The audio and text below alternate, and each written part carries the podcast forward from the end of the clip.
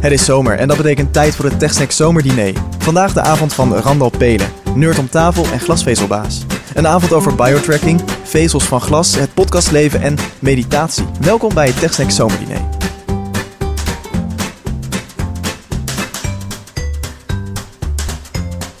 Randal, welkom, leuk dat je er bent. Helemaal Ja. vanuit het verre oosten. Ja, van oorsprong, hè. Daar ben ik geboren en getogen. Ja, maar je komt er vandaag ook vandaan gereden, toch? Ja, dat is waar, Drenthe. Maar Ja. het telt meer als noordelijke provincie, hoor. Daar gaat Ja, de bouwvak ook extra laat van start. Dus eh, Is dat zo, ja? ja, ja, het is echt een andere kant van het land. Maar eh, ik woon nu in het westen, dus eh, ik ben, het was me waar genoeg uitgenodigd te worden ook. Bedankt Tof, daarvoor. tof dat je aanschuift. Het Technisch Zomerdiner, we vragen de gast om een, een avond samen te stellen met boeiende onderwerpen op techgebied, op, op mediagebied. Nou ja, eigenlijk is het, is het helemaal aan jou. Eh, we hebben je aangekondigd als nerd om tafel. Nou, dat spreekt voor zich, want je bent een van de nerds om tafel van de podcast met nerds om tafel. En glasvezelbaas. Ja, letterlijk of figuurlijk, daar ben ik wel een beetje benieuwd naar. Want jullie hebben vast naar mijn LinkedIn-pagina gekeken of iets dergelijks, om een beetje voor te bereiden. En ja, wel een beetje. Nou, ik vond het een, eh, een, een mooie term en ik was eigenlijk benieuwd of jij er meer over kon vertellen. Glasvezel, eh, daar kan ik de hele avond wel weer mee vullen. Want het is ook echt avond, dat is dan helemaal leuk. Nee, Dus, maar eh, even meer met betrekking op jezelf. Kun je jezelf even introduceren? Nou, ik heb een, een, een hele gekke carrière achter de rug. Ik ben begonnen als eh, eh, MBO-ICT'er. En dat was een beetje raar, want ik kon dat in één jaar doen omdat ik van de HAVO kwam. En het was een experiment in Deventer toen nog om te kijken of dat je ICT'ers zo snel mogelijk op kon leiden. En als ze dan ook nog eens verstand van zaken hadden, dan eh, konden ze snel door die eh, studie heen. Toen heb ik een paar jaar systeembeheer gedaan. Dus echt computers aansluiten, servers installeren. Nou, dat lukt de meeste luisteraars van dergelijke podcast ook nog wel. Ja. Vervolgens ben ik twee jaar bij de website tweakers.net werkzaam geweest voor de Pricewatch. Nou, ik denk dat dat ook nog wel tot de verbeelding spreekt. Maar ja, dat hele rare carrièrepad dat ik dus met nauwelijks studie eh, eh, ja, vervolgens toch eh, tot een leuke carrière weten te brengen, is uiteindelijk geëindigd bij Cambrium, waar ik nu werk, en de internetprovider Tweak. Dat was ooit een samenwerkingsverband met Tweakers.net, maar dat is het nu al lang niet meer. Maar dat is wel hoe ik de mensen daar heb leren kennen. En ja, daar werk ik inmiddels ruim acht jaar. Dus ik ben inmiddels commercieel directeur van eigenlijk alles wat Tweak met glasvezel doet. Cool. En ehm, je noemde tweakers al even. Eh, dat heeft je dus gebracht bij je, je dagelijkse werk, als ik je dat zo hoor zeggen. Ja, ja. Het Ehm, was ooit mijn baan. Ja, maar tweakers heeft je ook gebracht tot met Nurs om tafel. Ja, dat is wel waar. Want ehm, een aantal van de mensen die... Eigenlijk iedereen heb ik leren kennen via Tweakers. Ja, Daniel Kegel zit aan tafel. Die was ooit eh, oprichter en eh, lange tijd directeur. Nou, moet je eigenlijk uitgever noemen van het, eh, van het label. Floris Diemel heb ik echt goed leren kennen. Omdat hij ook voor de Prijswatch werkte. Hij deed echt sales. Nou, zowel Jurian Ubachs, die nu nog steeds bij Tweakers werkt als game-redacteur. Als Joost Schellevis ja, zijn ook goede vrienden van me geworden destijds. Joost werkt inmiddels bij de NOS. Maar je hebt dus best wel leuk gemeleerd gezelschap. Dat inmiddels allemaal op Jurian na ergens anders is beland. Maar de rode draad in ons leven is wel Tweakers. Ja, daar komt die eh, vriendschap wel uit voort. En Tweakers heeft nu ook een eigen podcast. Ja, dat is wel bijzonder. Ja. heel raar om te horen. Want ik weet niet of het jullie op is gevallen. Als je dat luistert en je bent al eh, langere tijd volger van Met Nerds om tafel ook. Dan zal het je opvallen dat iedereen in die podcast een keer bij ons ook heeft gezeten in Ja. de studio. Ja. Je zou bijna hebben kunnen denken dat ze zich hebben laten inspireren. Zou het? Want eh, met Nerds op tafel, voor de mensen die het niet kennen, wat is dat voor een podcast? Nou, we proberen een beetje draakvlak te zijn tussen technologie, maar ook wel ja, het, het echte leven, zeg maar, maatschappelijke onderwerpen. En dat is heel lastig, want die discussie hebben we vaak genoeg gehad. Het is niet echt een tech-podcast, maar toch ook weer wel. Weet je, als je het een genre moet geven, dan kom je daar al snel op uit. Maar het is vooral zo dat we vijf nerds zijn, waar gewoon soms dingen van het hart moet. Dat je gewoon denkt, hier moet ik het even over hebben. En het is ook wel leuk om het als hobby te doen met een opname erbij. En dat je het uit kunt brengen voor mensen om te luisteren. Dat, zet je zelf ook op het scherm. Want je merkt het nu ook al. We zitten met z'n drie aan de tafel. Microfoons voor ons, koptelefoons op. Je gaat gelijk anders praten. Je gaat wat meer op de zaken vooruitlopen. Je gaat echt nadenken over wat je wil brengen. En ja, het is heel gek om zo van de hobby eh, gebruik te maken om en de vriendschap een beetje uit te bouwen. Dat is, dat is een van de doelen. Dat we echt gewoon elkaar regelmatig spreken. Elke dinsdagavond. En eh, nou ja, af en toe met een biertje op. We, we noemen het nog wel eens spaarrood bij ons in de uitzending. Eh, ja, De toch running gag inmiddels. Ja, het is wel schrikbarend hoeveel mensen dat in één klap wel oppikken. Want ik heb nog nooit iemand gehad die echt zei van... nou, ik heb echt geen idee waar jullie het over hebben. Eerder Ja. reviews in iTunes die zeggen... joh, hou eens op en noem het gewoon bier. Ja, ja maar het komt voort uit dat je bij de Salto Studios waar jullie opnemen, daar mag je geen bier drinken, toch?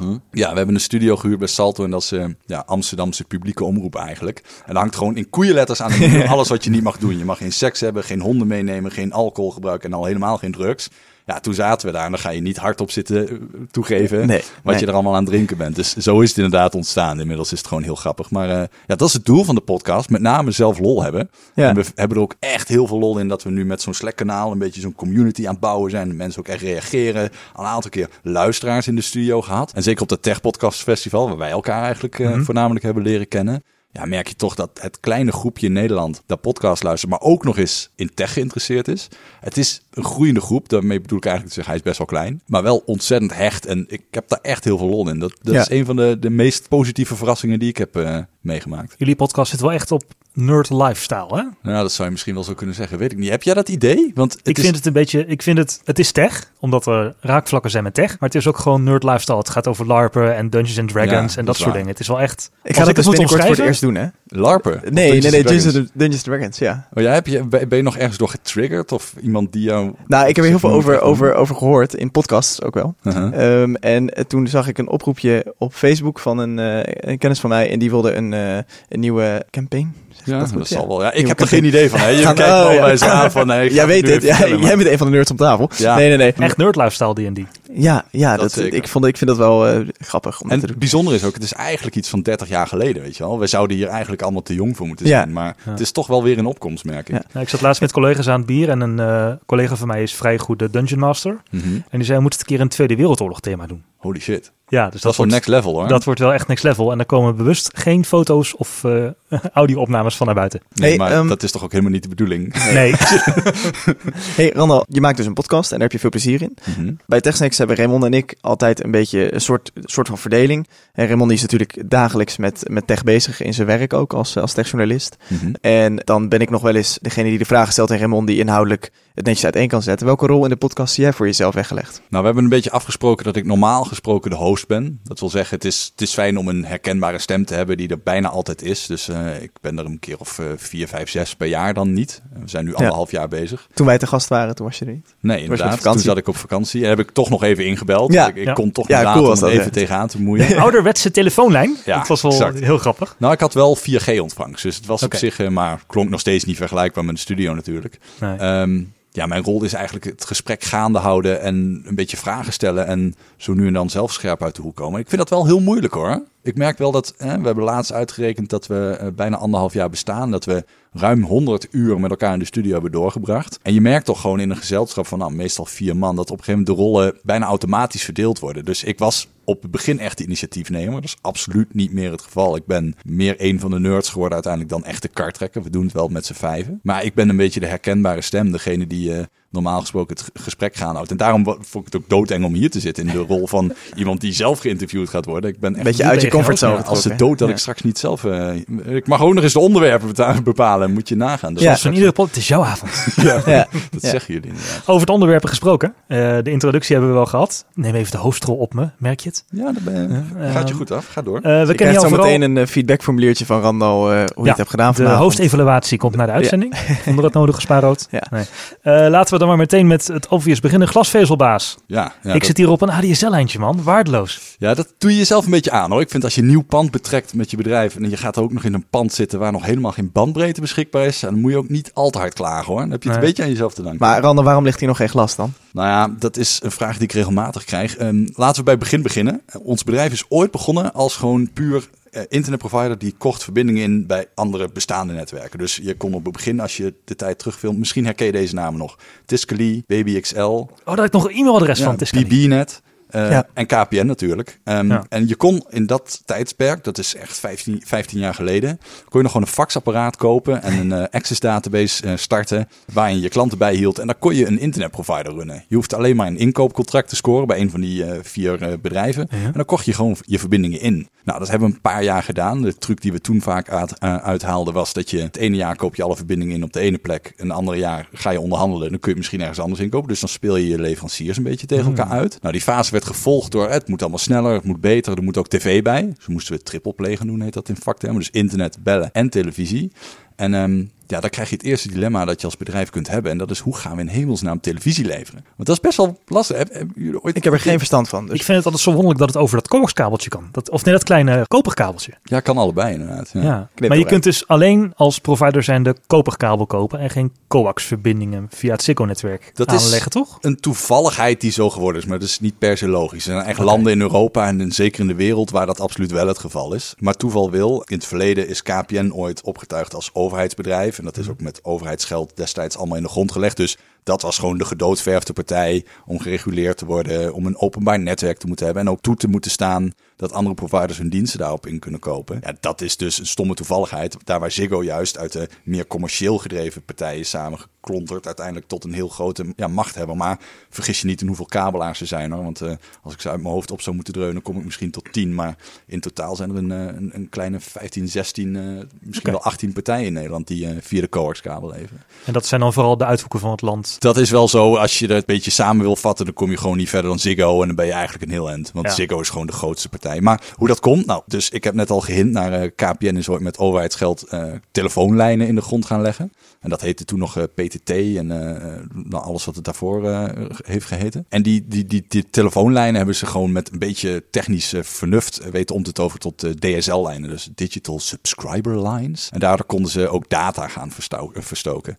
Nou, inmiddels leven we in een tijdperk dat mensen zeggen: oké, die koperleidingen die in de grond liggen, die zijn heel lang en die liggen er ook al heel lang. Dus we kunnen daar niet onbeperkt bandbreedte overheen gooien. Eh, dus laten we ook glasvezel aan gaan leggen. Nou, dat is een beetje onze tak van sport nu geworden. Eh, hoe leg je in zoveel mogelijk plekken in Nederland glasvezel aan? En, dat is mij persoonlijk een doorn in het oog, haal daar ook leuke snelheden mee. Want er zijn maar wat providers die gewoon 50 megabit, 100 megabit, nou, met een uitschieter een keer 500 megabit verkopen. En dat is vervolgens ook nog eens behoorlijk prijzig. Dus nou, daar proberen wij echt een verschil te maken. En technisch is het gewoon, is die lijn niet echt beperkt tot die snelheden, toch? Het is gewoon een, een softwarematige caphaast die erop zit. Ja, dat is eigenlijk het dubbele eraan. Hè? Als je van eh, Amsterdam naar eh, New York zou zwemmen, dan kom je halverwege een aantal boeien tegen waar die transatlantische kabels Ja. eh, aan hangen en een beetje drijven halverwege de oceaan. Ja, het is niet voor niks dat dat gewoon glasvezel is. Dat soort afstanden kun je alleen maar doen als je ja, niet zo'n koperlijn hebt die uiteindelijk al die weerstand moet overbruggen. Ja, want, want even terug naar de basics. Ja, hoor. ja, voor, we gaan heel ehm, technisch nu. We gaan heel technisch nu voor de, voor de luisteraars die er niet helemaal in zitten. Hè. Misschien een hele domme opmerking, maar weet dus dat eh, onze internetverbindingen niet alleen maar in de lucht hangen. Ja, maar dat het voornamelijk gebaseerd is of rust op eh, kabels die in de grond liggen ja. en door de zee heen eh, kruisen. Mhm. Ehm,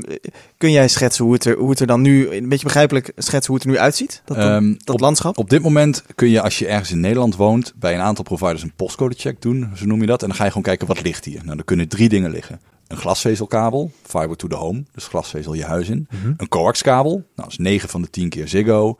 Of een eh, ADSL-kabel, een telefoonlijn, dat is 9 van de 10 keer KPN. Nou, en als je die glasvezelkabel hebt liggen, dan wordt het echt interessant. Want afgezien van een paar lokale coax-netwerken die er nog zijn, bijvoorbeeld op Texel of Kabel Noord of Skyway, Delta, Zeelandnet is een hele grote. Ehm, ja, is het eigenlijk met name Ziggo dat de klok slaat. En als je glasvezel hebt, dan kan het wat groter scala aan providers zijn. Dat is best wel lastig uit te leggen omdat wij, dat wordt nog steeds ingewikkelder, een soort van drie lagen model hanteren. Je hebt net zoals dat je stroom hebt en je kunt in een gebied wonen waar eh, Stedin netwerk eh, leverancier is of eh, Liander of nou, zo zijn er meer partijen. Vervolgens heb je iemand die moet de energiecentrale bouwen. Nou, het kan Nuon zijn of Eneco of nou, andere grote partijen. En vervolgens koop je een abonnement bij Green Choice of Energie Direct of Budget Energie. En dat zijn allemaal partijen die hebben zelf geen kabels, die hebben zelf geen eh, die verkopen alleen het stroom eigenlijk commercieel. Nou, dat is een beetje wat de meeste providers doen. Je hebt eh, Access for All, Telfort, KPN. Gaat allemaal over het KPN-netwerk. Eh, je hebt nog een aantal andere providers die kopen separaat in bij KPN. Maar het wordt pas echt interessant als je in een netwerk woont waar geen KPN ligt. Dat is waar op dit moment in Nederland het meeste fus om ontstaan is. Want Regefiber is een eh, partij die op een gegeven moment 2,2 miljoen glasvezelkabels in Nederland heeft uitgerold. En hij heeft gezegd, nou weet je wat, we vinden dit wel even genoeg. We verkopen onze tent aan KPN. En die trekte eigenlijk redelijk snel de stekker eruit. Die hebben gezegd, nou we gaan dat eh, op een laag pitje zetten. Want we hebben nog zoveel DSL in de grond liggen. Daar kunnen we nog jaren mee vooruit. En eh, dat is ook ontzettend snel. En dan hoeven al die investeringen in glasvezel niet te doen. Daar was toen behoorlijk wat ophef over. Ja, nog steeds wel, want er zijn heel veel gemeentes. Moet je je voorstellen dat je in een gemeente werkt en dat je eigenlijk als ambtenaar denkt van, we zouden hier in deze gemeente sneller internet moeten hebben. Ja, wa- wat ga je dan doen? Ja? Wie bel je? Ja, Welke portemonnee moet je trekken om dat voor Ja. elkaar te krijgen? Kun, kun je die vertaalslag maken? Die, dus je noemde net de energieleveranciers als voorbeeld. Kun je die vertaalslag maken naar de, de, de internetwereld? Dus je noemde die drie lagen, zeg Mhm. maar. Dus je noemde KPN. eh, wie moet ik dan vergelijken met de energiecentrale, zeg maar? En wie moet ik vergelijken met de kabel die er ligt? Ja, dus als je nu in Nederland om je heen gaat kijken, dan zie je dat KPN Regenfiber absoluut het grootste glasvezelnetwerk heeft. Dus 2,2 miljoen huishoudens. Er zijn er in Nederland 7,6 tot 7,8, eh, afhankelijk hoe je telt. Nou, dat is dus zeg maar een derde. Dus een derde van al het glasvezel in Nederland is van KPN. Nou, dan kom je op eh, netwerken als eh, dat van SIF of eh, E-Fiber of projecten als Glasvezel de Wolde waar, mij, waar wij mee samenwerken. En dat zijn partijen die zeggen, oké, wij gaan buiten KPN om, zelf investeringskapitaal bij elkaar brengen om dat voor elkaar te krijgen. Om fysiek die kabels in de grond te leggen. Exact. Maar bijvoorbeeld, dat zijn ook pensioenfondsen, dat zijn internationale banken, dat zijn zelfs, ja, hoe moet je het noemen? Ehm, onder, nee, niet ondernemers. Investeerders?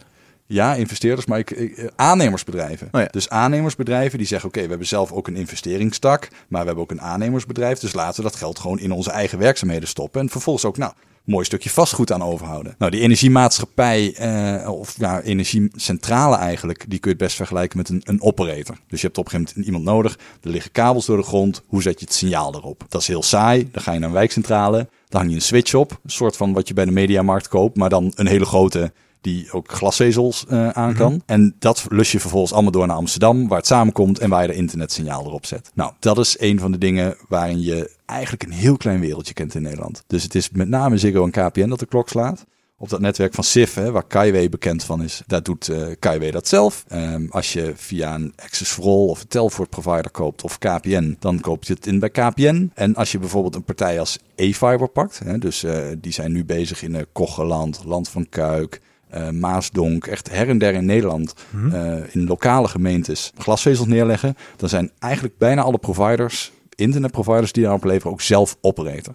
Zelf een switch in de wijkcentrale, zelf een backbone naar Amsterdam, zelf bepalen wat de snelheid is en heel veel invloed op de prijs. Dat is eigenlijk wat dat uniek maakt en dat is ook waar wij het meest lol aan hebben. Met je- Tweak opereer je dus ook als, oper- eh, als opereer je dus op een van die netwerken van die eh, operators. Ja, dus onze tak van sport zou moeten zijn om op zoveel mogelijk van die netwerken zelf aanwezig te zijn met eigen apparatuur. Om op die manier te zorgen dat je, nou wij noemen dat gigabit, maar ik vertaal het meestal als 1000 megabit kunt leveren. Ook voor een schappelijke prijs. En dat je laat zien, oké, kan sneller, kan goedkoper. Als je maar niet bij de grote jongens eh, gaat zitten, want die maken het allemaal met de duopolie een stuk moeilijker om te onderscheiden. Is het zo dat die glasvezel standaard open moet zijn voor alle partijen? Dat hangt er een beetje vanaf wie ervoor betaald heeft. Oké. Ik heb net al gezegd dat KPN ooit met eh, overheidsgeld is ontstaan. En Ja. daar heeft het ook echt duidelijk zijn oorsprong. En daar is gewoon regulering voor.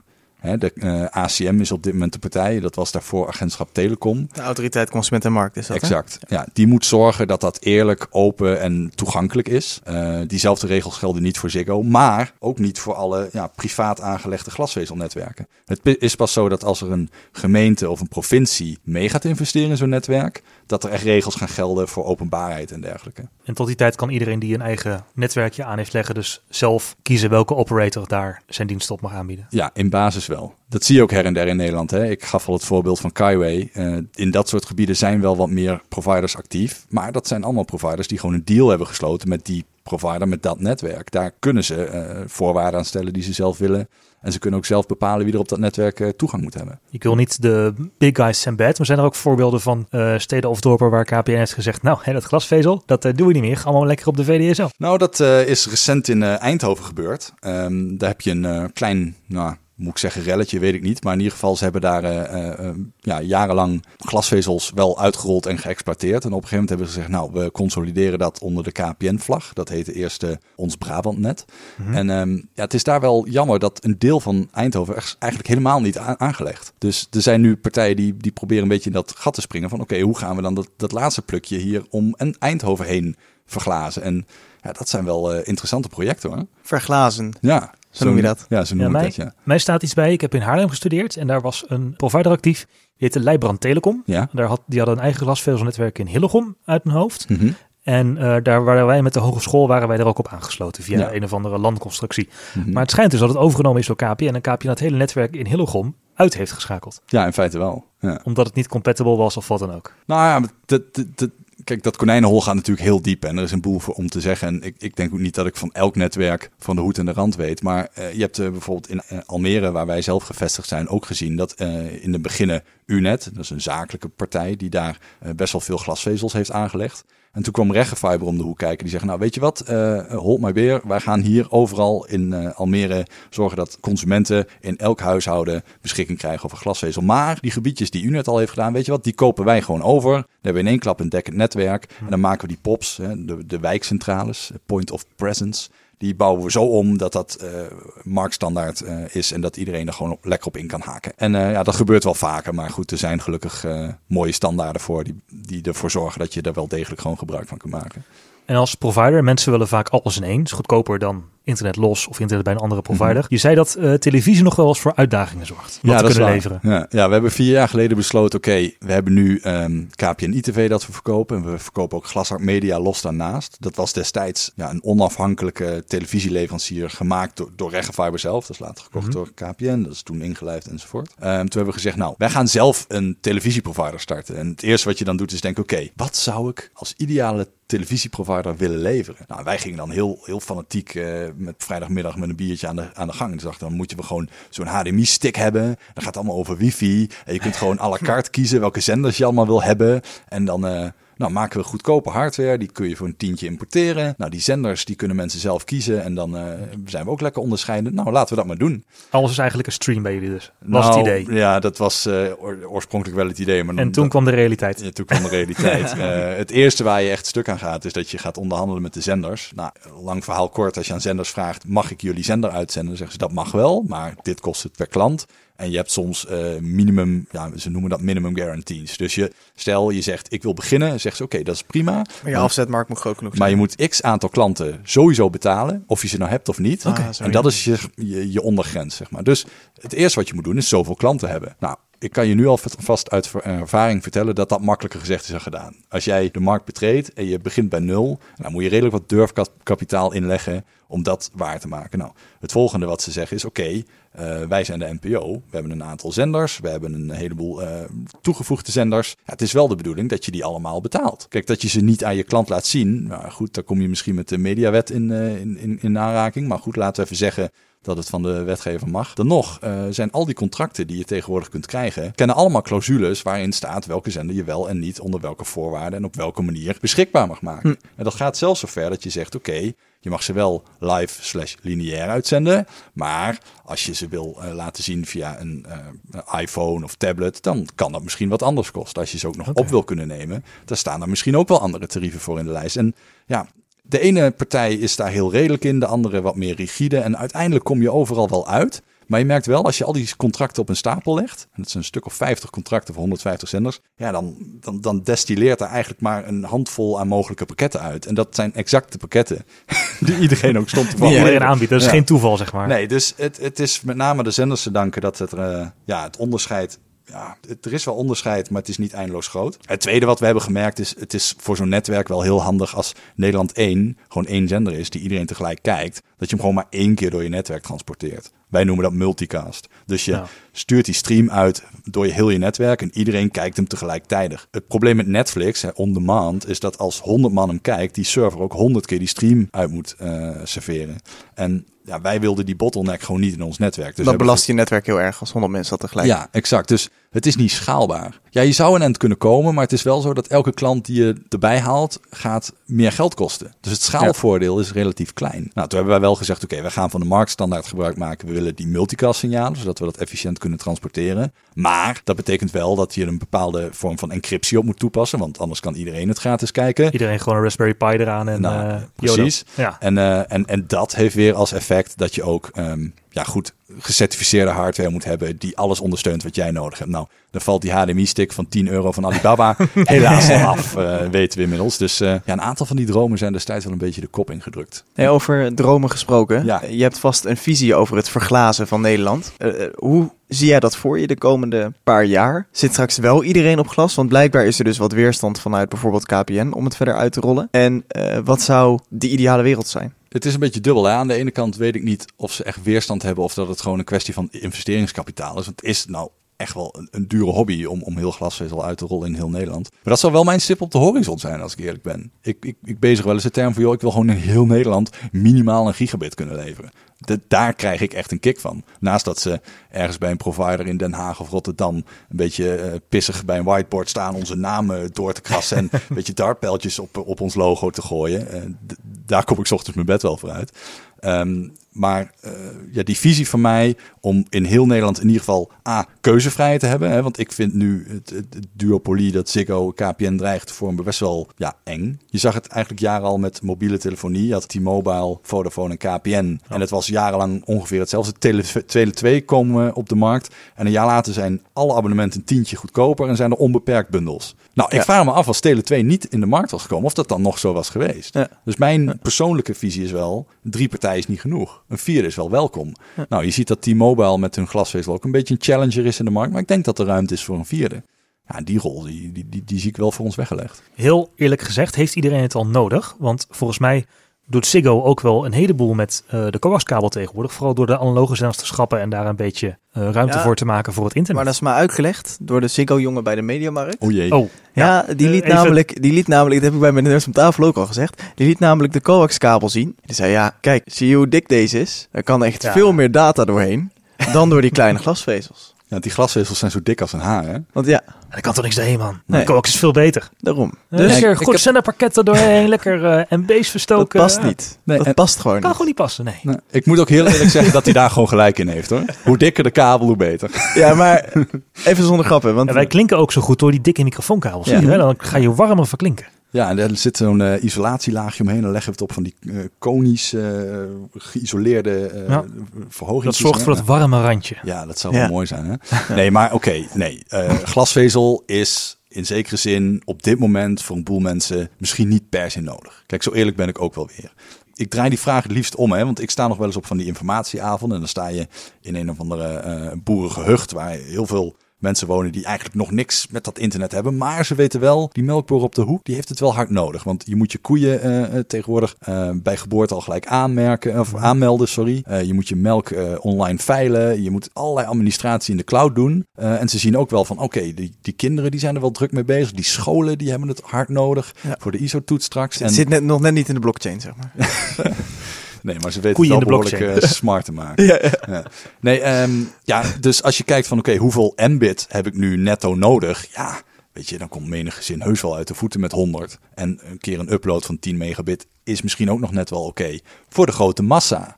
Maar ik zie wel dat die kabels, zeker die coax-kabels en, en nou, de ouderwetse telefoonlijn, extreem veel respect voor hoeveel bandbreedte ze er nu nog uit weten te persen. Want dat, dat is best wel knap. Maar er zit wel een keer een eind aan. Ja. En ik weet ook dat er in laboratoria, uh, her en der in uh, verstandige plekken in de wereld, nu experimenten zijn gedaan waarin evenveel data als nu heel internet beslaat, door één glasvezelkabel te proppen zijn. Hmm. Nou, als die techniek dat nu al kan, zoveel gigabits door één vezel proppen, dan weet ik zeker dat wij daar de komende paar honderd jaar nog heel veel lol van kunnen hebben. Dus het is voor mij wel een kwestie van: oké, je kunt je afvragen, oké, wanneer wordt het echt nodig? Want die, die grafieken groeien exponentieel. Er is geen grafiek te vinden waarop heel lineair, langzaam en afvlakkend de bandbreedtebehoefte groeit. Nee, dat gaat steeds sneller. Hè? Je hebt ja. SD, dat verviervoudigt naar HD. Dat wordt twee ogen 3D, verviervoudigt weer naar 4K, enzovoort, enzovoort. VR, bandbreedte wordt alleen maar meer. Ja, ja. De, tien jaar geleden, elf jaar geleden kwam de eerste iPhone uit. Nou, nu pas hebben we een beetje door wat voor impact dat heeft. We gaan nu over dat maatschappelijke debat. Moet je er verslaafd uh,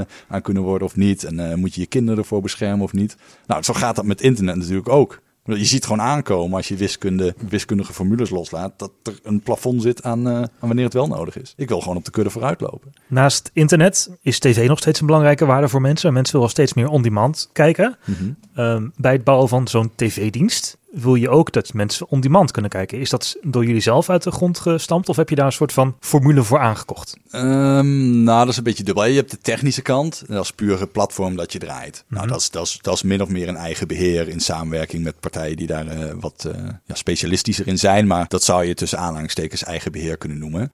Um, het aankopen van content, dat is iets wat wij als Tweak, uh, als provider, niet echt zelf doen. Wij, we hebben wel deals met zender. Noem een film 1 Ja, die hebben gewoon Ja. een, een mooi pakket van films en series dat je wel kunt laten zien. Nou, je, je hebt allerlei libraries van zenders, eh, libraries, bibliotheken. Bibliotheek. De Ehm, foto- en filmbibliotheek. Dat je bijvoorbeeld zeven dagen terug in de tijd mag kijken. Als je de tv-gids normaal naar rechts gaat, dan zie je wat er morgenavond op tv is. Dan kun je zeggen herinnering of ik wil het opnemen. Maar je kunt nu dus ook linksaf en dan ga je naar eergisteren en dan kun je gewoon kijken wat je wil dat gisteren al op tv is geweest. Nou, dat noemen we ook allemaal on demand. En eh, ja, dat is gewoon een kwestie van de techniek goed inregelen, de rechten verkrijgen om het te mogen doen. En vervolgens kun je gewoon, eh de sky is the limit. Oké. ja. De eh, metadata van de televisiezenders. ja, Vond ik een interessante, want ik merk bij mijn eh, geweldige Ziggo On Demand vaak dat er niet echt wat van klopt. ja. Is dat een ding waar providers in het algemeen mee struggelen? Of zit er bij Ziggo gewoon een mannetje wat op de verkeerde knop drukt? Oké, nou, dat is een beetje van beide eigenlijk, als ik eerlijk ben. Oh. Ehm, want dat is wel iets wat wij goed hebben onderzocht toen wij begonnen met een eh, televisieprovider vier jaar terug. Mannetje van Ziggo, als je luistert, we bedoelen het niet persoonlijk. Maar Nee. doe wel even je best. Ik weet ook donders goed waar je allemaal tegenaan loopt en dat is ook niet al te makkelijk. Nee, ehm, het is zo dat om die data binnen te krijgen, kun je twee dingen doen. Of je gaat bij een partij aankloppen die dit al meester is, die dit doen en waar je het gewoon kant-en-klaar kunt kopen.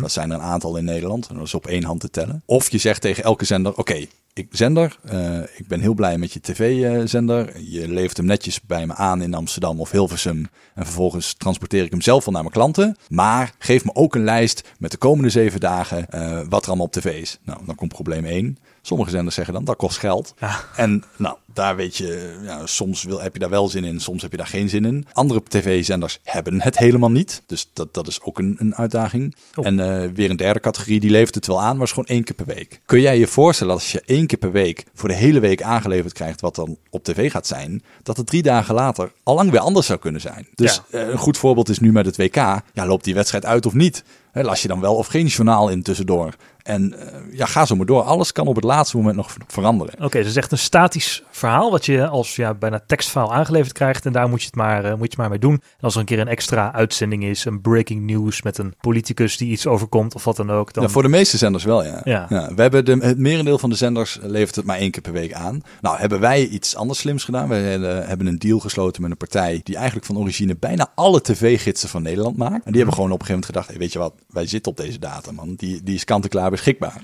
Dus die zijn dat gaan verkopen. Eh, maar je ziet ook daar zit daadwerkelijk iemand achter de computer de hele dag gewoon last-minute updates in te voeren. Er zijn zelfs partijen die gaan zo ver dat ze denken, ah, weet je wat, we krijgen het van die zenders maar één keer in de zoveel tijd aangeleverd. Maar op teletext, daar staat wel altijd de actuele tijd. Dus als we daar nou gewoon OCR-software overheen halen en dat Ja. inlezen, zetten we dat gewoon neer als laatste eh, data. Maar je snijdt wel een interessant punt aan, want je kunt je voorstellen, het is irritant dat je de eerste 10 minuten van een voetbalwedstrijd mist. Als die data niet klopt, is het gewoon irritant. Ja, het valt me op dat inderdaad die on-demand terugkijkdata, die ja, dat is hit en miss. Ja, maar het wordt pas echt erg als je er een opname aan koppelt. Weet je wel, Ja. je hebt het opgenomen en je hebt vervolgens nog niet alles kunnen zien. Eh, ja, dat komt eigenlijk op hetzelfde neer. Er, er zijn gewoon eh, partijen. Dus je kunt niet genoeg mannetjes inhuren die daadwerkelijk gaan zitten checken wanneer het begint. Hè, Er is te veel data en er wordt eh, nog niet overal in de keten even zorgvuldig eh, uitgeserveerd. Oké. Ja, dus daarom is je opname eigenlijk twee keer zo lang van het programma.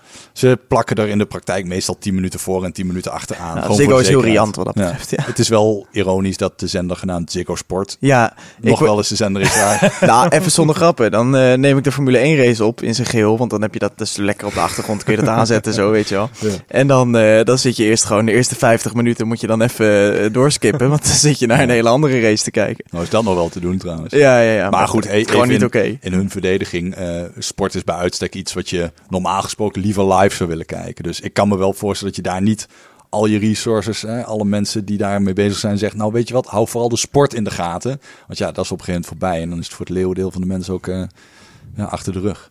Ja, Maar je bent wel echt eh, iemand die een Formule 1 wedstrijd s'avonds nog terug gaat zitten kijken, als ik het zo hoor. ik, zet- ik zet het nog wel eens op de achtergrond aan. Ja, maar ik ben nog wel eens aan het werken. Als hij, eh, ja, ja, maar je hebt gaat. niet genoeg aan de samenvatting. En dan eh, Je- je vind ik het... Nou, ik vind het wel leuk. Zo een beetje op de achtergrond. standen een beetje bekijken. Je weet al lang dat Max Verstappen gewonnen of verloren heeft. En dan, Ja, maar toch... Toch ja, nog even Het gaat toch een reis, niet om het doel. oh, in dat geval moeten we die eh, Formule 1 coureurs allemaal eventjes op de donder geven. oh nee, trouwens doen die dat best wel goed, die reis. Glasvezelbaas ben je, maar je bent ook podcaster. Ja, We hebben het eigenlijk even over Tweakers gehad. Dat Tweakers eigenlijk aan de basis heeft gestaan van Met onze Nerds om tafel. Ja, ja. En jullie vriendschap. Ehm, maar ik, als ik tegen jou, als ik aan iemand denk die ongelooflijk enthousiast is over podcasten. En altijd met iets bezig is en altijd 200% gaat voor de voorbereiding, dan denk ik aan jou. Ook dag Ruud Sanders. Had ook gekund. Ja. Of Maarten Hendricks. Ja. Nee, dan denk ik aan Steven op de Beek. Hebben we nu heel Tech 45, eh rondje heel Tech helemaal 45 gehad, ja. genoemd? Ja, Ja. Alle, alle namen gedropt. Eh, waar komt dat ineens vandaan? Dat is heel gek. Ik weet dat zelf ook niet altijd even goed meer. Maar Je werd op een ochtend wakker en toen Ja. dacht je, podcast. heb het. Dat is het. Dit moet het worden.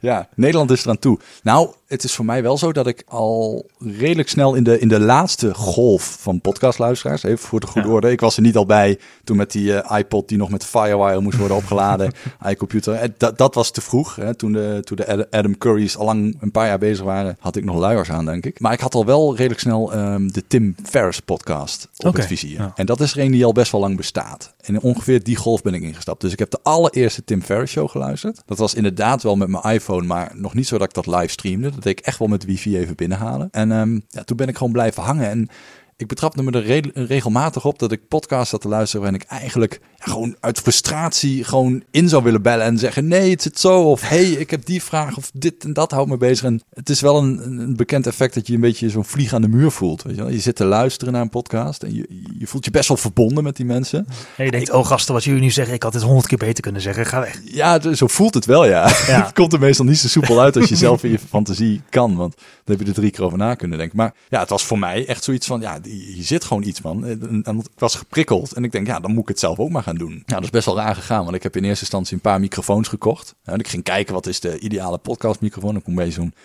Blue Yeti uit. Blue Jetty, ja. Ja, Yeti. eh, en Zo'n bolletje is dat, hè? ja, nee, dat is een snowball. dat is een Yeti snowball. is een beetje zo langwerpig. Wat Oh ja, ook wel, ja. ja. Maar wel zo'n zo soort grote pil. Pil die je lekker door kan slikken. Ehm, en die heb ik gekocht. En toen hebben we een pilot aflevering opgenomen. Dat weet ik nog wel. Dat was bij eh, Joost Schellevis. Bij, bij hem aan de keukentafel. Mhm. En ehm, toen hebben we eigenlijk een hele slechte eh, eh, ja, pilot opgenomen. We hebben eh, heel veel galm gehad. eh, het liep niet zo goed. Maar het was wel een soort van ja, idee dat geboren was. En nou, de bekende andere drie tafelnerds, die zaten ook heel snel in onze algemene chat van... joh, ik wil ook meedoen, ik wil ook meedoen. Daniel had de mazzel dat hij iemand kende die bij de publieke omroep van Amsterdam... dus Salto, hè, die studio's net volledig opnieuw gedigitaliseerd had. Dus die had de computers neergezet, de nieuwe microfoons opgehangen... en alles laten werken.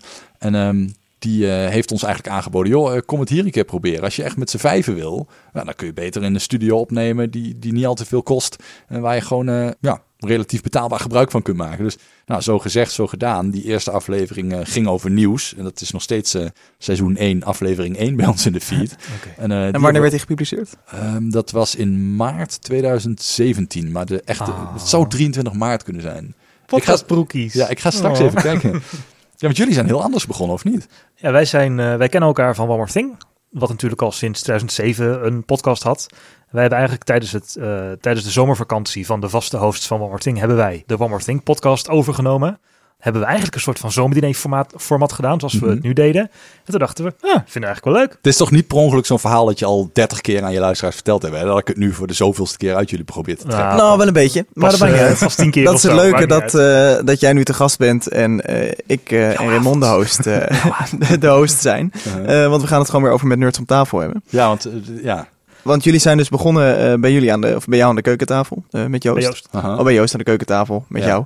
En eh, toen naar de Salto Studios gegaan. Op welke manier maken jullie een podcast? Want dat doen jullie dus blijkbaar anders dan dat Raymond en ik doen. Nou, je bent er een keer bij geweest. Dus eh, volgens mij heb je het voor een deel van dichtbij kunnen zien. Wat wij eigenlijk doen, en dat is van, van oorsprong zo gegroeid. In het begin huurden we gewoon regelmatig die studio. Dus dan eh, had ik eh, contact met de accountmanager en zei ik, hè, mag ik hem dan en dan hebben? En eh, dan sta je op een gegeven moment daar, bel je aan, dan mag je naar binnen. En dan kon je een podcastopname doen en dan ging je daarna weer weg. Wat we heel snel merkten is dat dan op een gegeven moment hebben we een paar keer voor een dichte deur gestaan. Dus dan kwamen we daar en dan zeiden we, oké, we zouden er nu in mogen. Maar dan was of de laatste medewerker al lang vertrokken. Of eh, ehm, het was niet goed opgeschreven, dus het was niet bekend. Zat iemand anders in. Toen zeiden we op een gegeven moment, weet je wat? We gaan het op één manier, we we gaan of dit doen. We stoppen er gewoon mee, want we kunnen niet elke keer voor een dichte deur staan. Of we willen gewoon een sleutel, dat we er zelf in kunnen. En dat we ook een vast moment eh, in de week kunnen plannen. En dan zitten we er altijd. Nou, dat is dinsdagavond geworden om 7 uur. eh, boven Pakhuis de Zwijger. Dus we eten soms eh, daarvoor ook beneden al wat, Ja. even wat. Nou, dan gaan we de studio in die altijd voor ons klaar staat. Dan hebben we hem twee uur. Ja, en daarin zijn we eigenlijk gewoon ja, gaan spelen, gewoon gaan uitproberen. We zijn eerst gewoon gaan zitten en ik zei, uh, joh, uh, welkom bij Met Nerds om tafel.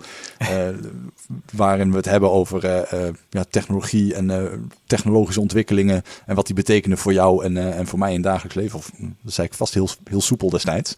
Um, maar ja, we zijn op een gegeven moment gastnerds uit gaan nodigen. Dat is wel een, een gouden ingreep gebleken.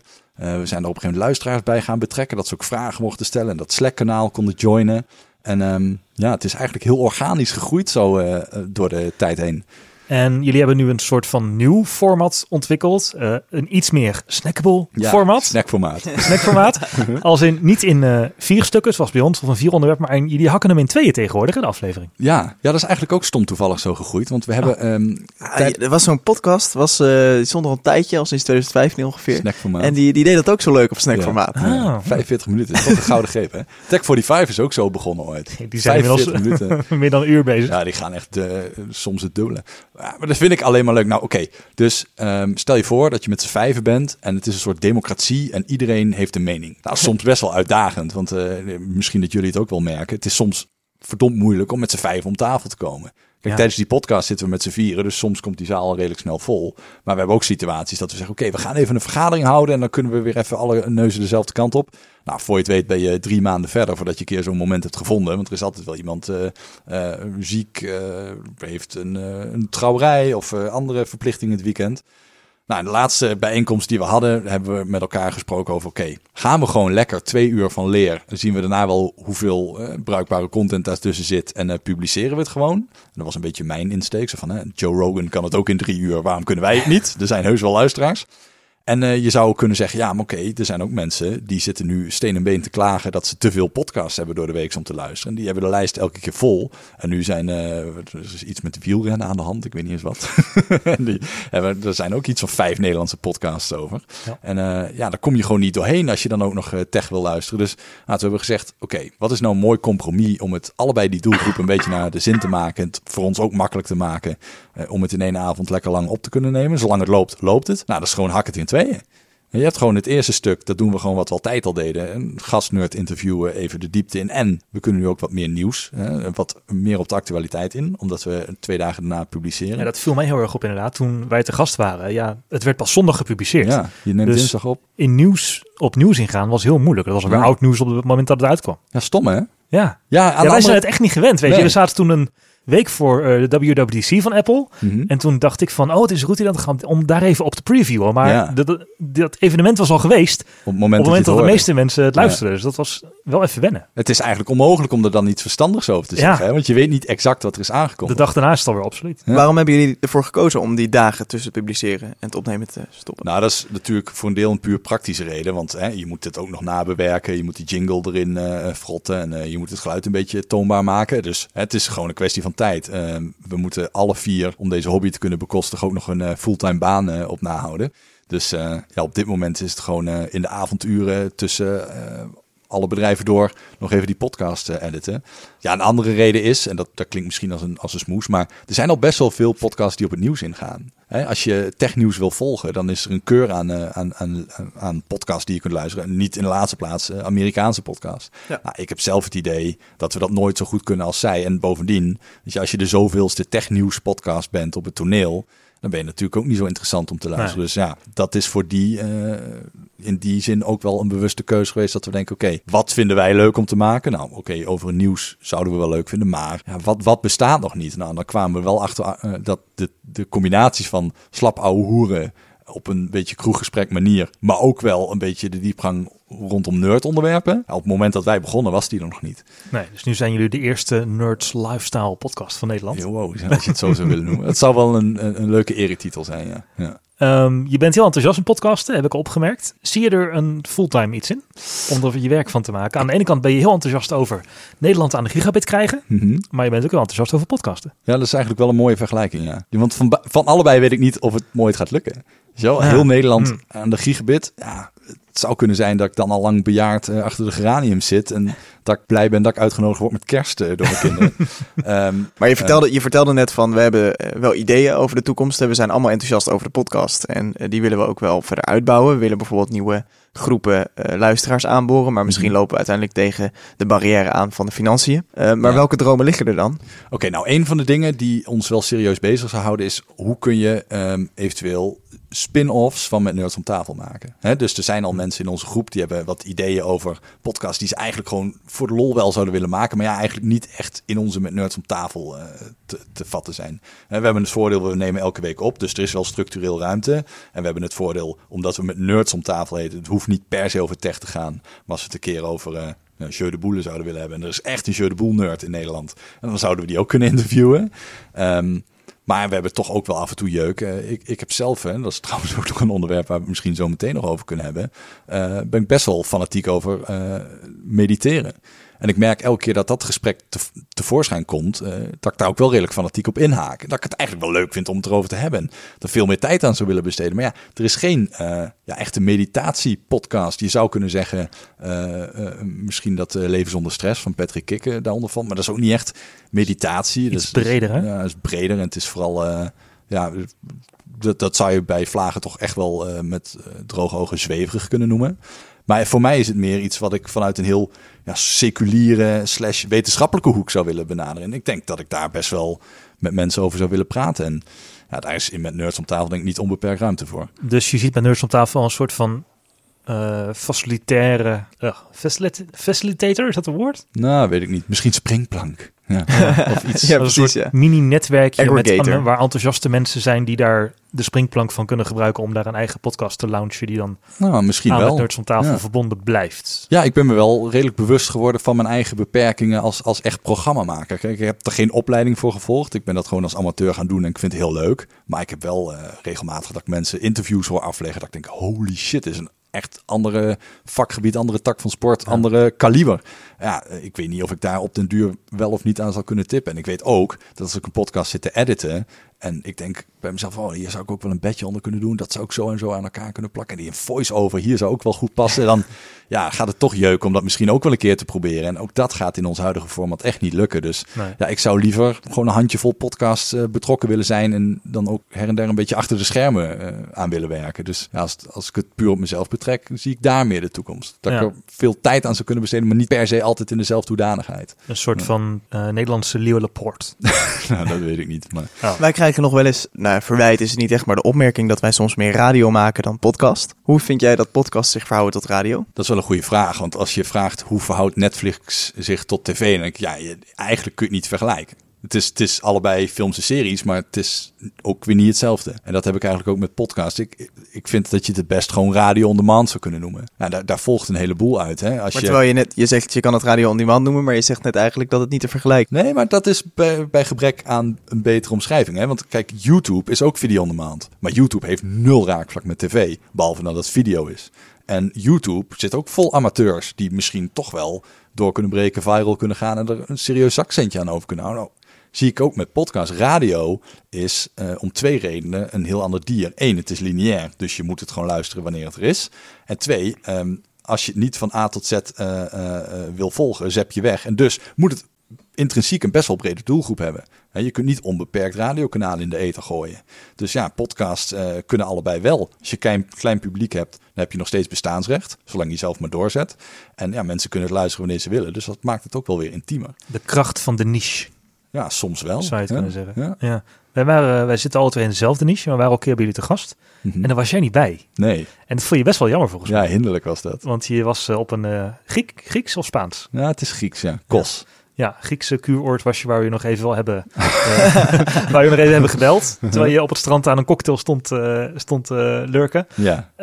Er was één onderwerp en dat wilde jij daarbij nog heel graag aansnijden. Ja. Dat was echt zo'n onderwerp waarbij ik met, met de telefoon over het strand heb staan gooien. en vloekend door de kamer lipte. En ik zeg, schat, ik start zelf al een podcast. Want hier had ik over mee willen praten. En dan datzelfde gevoel, maar dat het wel je eigen eh, clubje is. Ja. Nee, dat ging over eh, die pre-scans, Maarten. Want, Ja, ja ik heb wel goed. losgemaakt volgens mij met dat onderwerp. eh, ja, nou, zeker bij ons in de Slack. Bij want, jullie in de Slack ook eh, mensen aardig van leer. Ja. Nou, het, het, het- er zijn gewoon een paar vragen die ik jou had willen stellen. Want net zoals dat mensen wel eens bij mij binnenkomen. Randal, we moeten nu een tv-provider starten. Maar waarom kun je niet zelf kiezen en waarom kan het niet met een HDMI-stick? Nou, ik heb al uitgelegd waarom dat niet kan. Er zitten wat dogma's in, in mijn vakgebied die ook zeker geldig zijn. Maar in jouw geval had ik echt moeite om te begrijpen waarom je niet een goede doortastende pre-scan zou kunnen doen. En voor mij, het kwam een beetje uit de hoek bij mezelf. Ik heb dus die eh 20... Nou, laten we even, heel even terug het onderwerp wat beter introduceren. Want als mensen de aflevering niet hebben geluisterd Mhm. van Met Nurse om tafel en TechSnacks, moet je dat eerst even gaan doen. Maar het ging over eh, biohacking eigenlijk, Ja. eh, overkoepelend. Dat gesprek dat ging richting, ze dachten we hebben iemand uit de zorg aan tafel, dus misschien is het boeiend om het daarover te hebben. Mhm. En toen ging het over dat ik niet direct sta te applaudisseren dat mensen van alles van zichzelf gaan meten en daar eh, conclusies aan gaan verbinden. Mhm. En uiteindelijk eh, ging het gesprek richting pre-scans, zodat het in Nederland ook illegaal is. Dus dat Ja.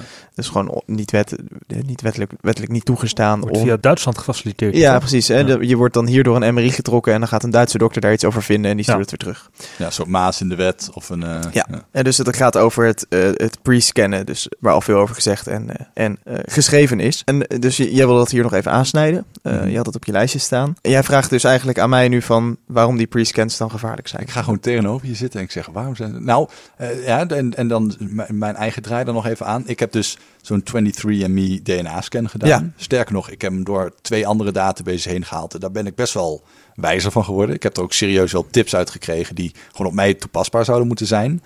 En ik merkte gewoon dat alles wat daar stond dusdanig klopte. Dat ik denk, ja, maar dit, dit, dit, dit is gewoon de toekomst. Ik, ik, ik zie gewoon dat het verdomde eng is om je database eh, te vullen met DNA van alle mensen in de hele wereld. En ik, zie absolute risico's. Ik vind het doodeng. En ik heb achteraf spijt dat ik mijn eigen volledige kloppende naam heb ingevuld toen ik het instuurde. Maar eh, even, even dat terzijde. Het is verdomde praktisch dat je gewoon kunt zien wat je allemaal hebt. Hè, mijn vriendin bijvoorbeeld, eh, die blijkt nu waarschijnlijk een glutenallergie te hebben.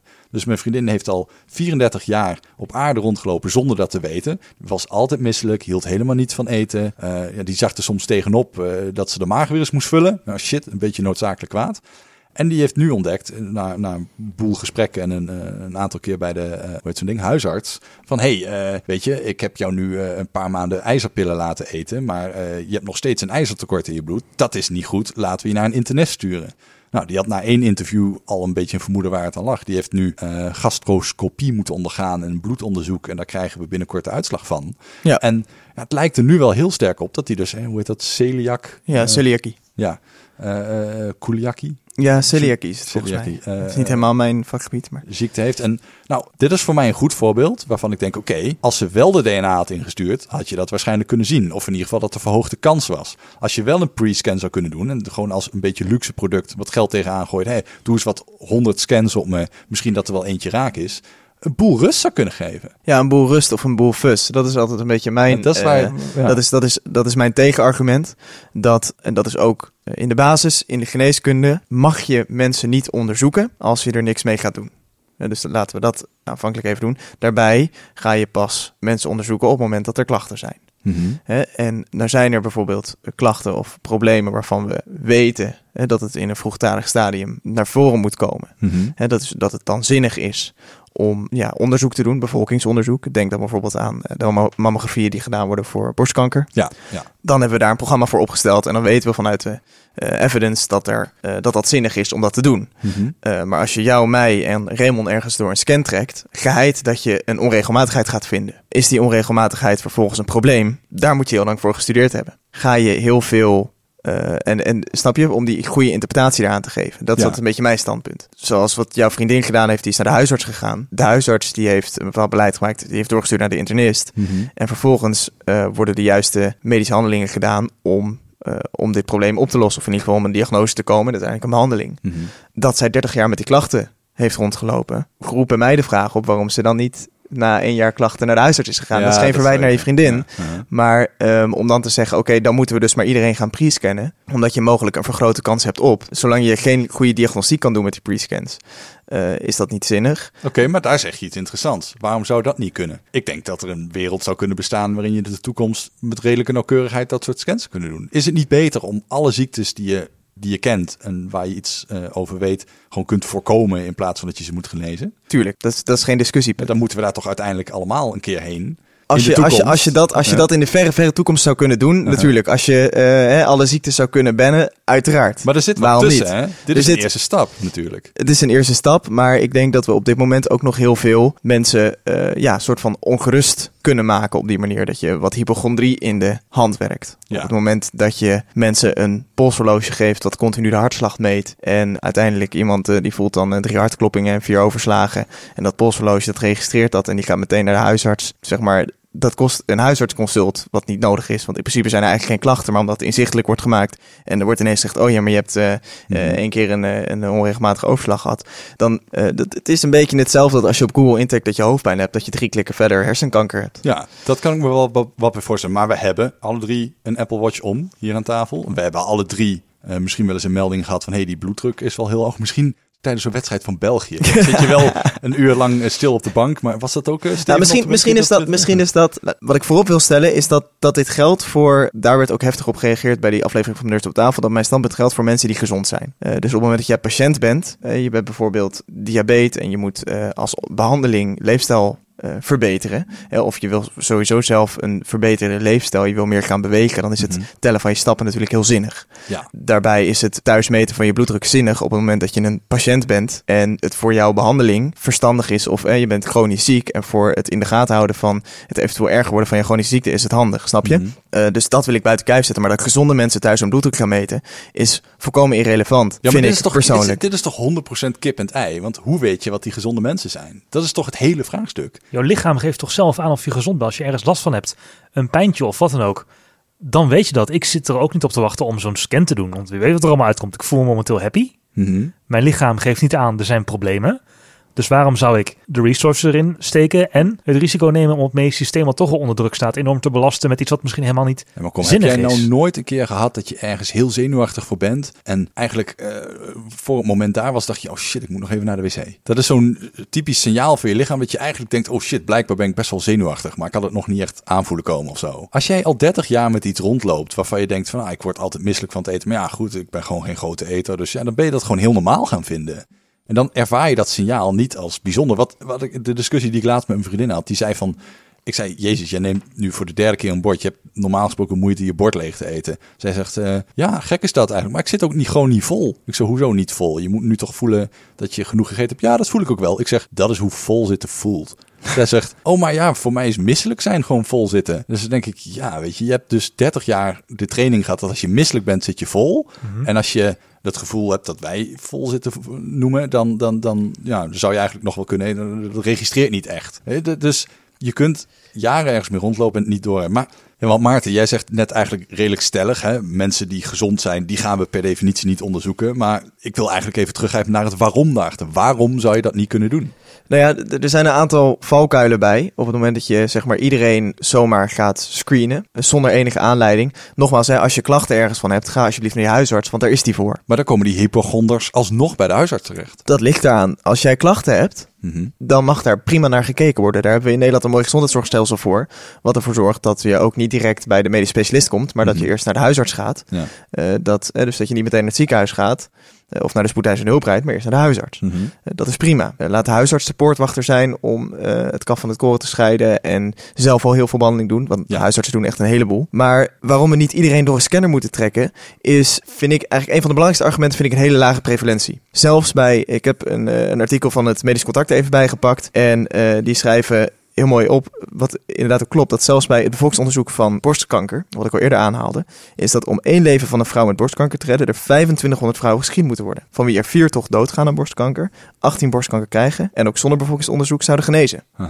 Ehm, de prevalentie is heel laag. De kans dat je iets vindt is, is, is daarbij dus ook heel erg laag. Zeker als je geen klachten hebt. Eh, daarbij heb je een ander sterk argument wat ik vind eh, waarom je dit niet zou moeten doen, preventief, is omdat je overdiagnostiek in de hand uh, speelt en dat je niet eerlijk kan zijn of niet duidelijk kan zijn naar je patiënt. Hm. Um, een Duitse dokter zegt bijvoorbeeld tegen jou van uh, je hebt die scan gedaan bij ons en uh, we zien dit in je we zien dit dit absces ergens zitten of Mhm. we zien we zien dit ergens een, een vergroeiingje of een of een tumortje ergens zitten. Ja. Het is niet het is niet erg. Is niks aan de hand, maar ga wel even naar je eigen huisarts. Ja, ga wel even naar je eigen Ik arts. ben er toch nerveus van. Het eerste wat jij gaat doen is je eigen arts bellen. Terwijl er in principe eigenlijk niks aan de hand is. Ja, maar dat wil je dan toch even horen, inderdaad. Dan wil je dat, maar goed, dat heb je daar al gehoord. En dan wil je, nee, je wil dit niet even horen. Je wil er eigenlijk aan behandeld worden. Liever wel. Ja, Ja. Voor, ge- gewoon om gerustgesteld. om gerustgesteld te zijn. Ja. Terwijl er eigenlijk niks aan de hand is. Nee, oké. dus Want stel je hebt geen klachten. dat je een absces zou hebben gehad, Nee, maar je zou het niet ik weten. Ja, dan, dan, dan, dan, dan loop je daar toch jaren mee rond, maar dan weet je het niet.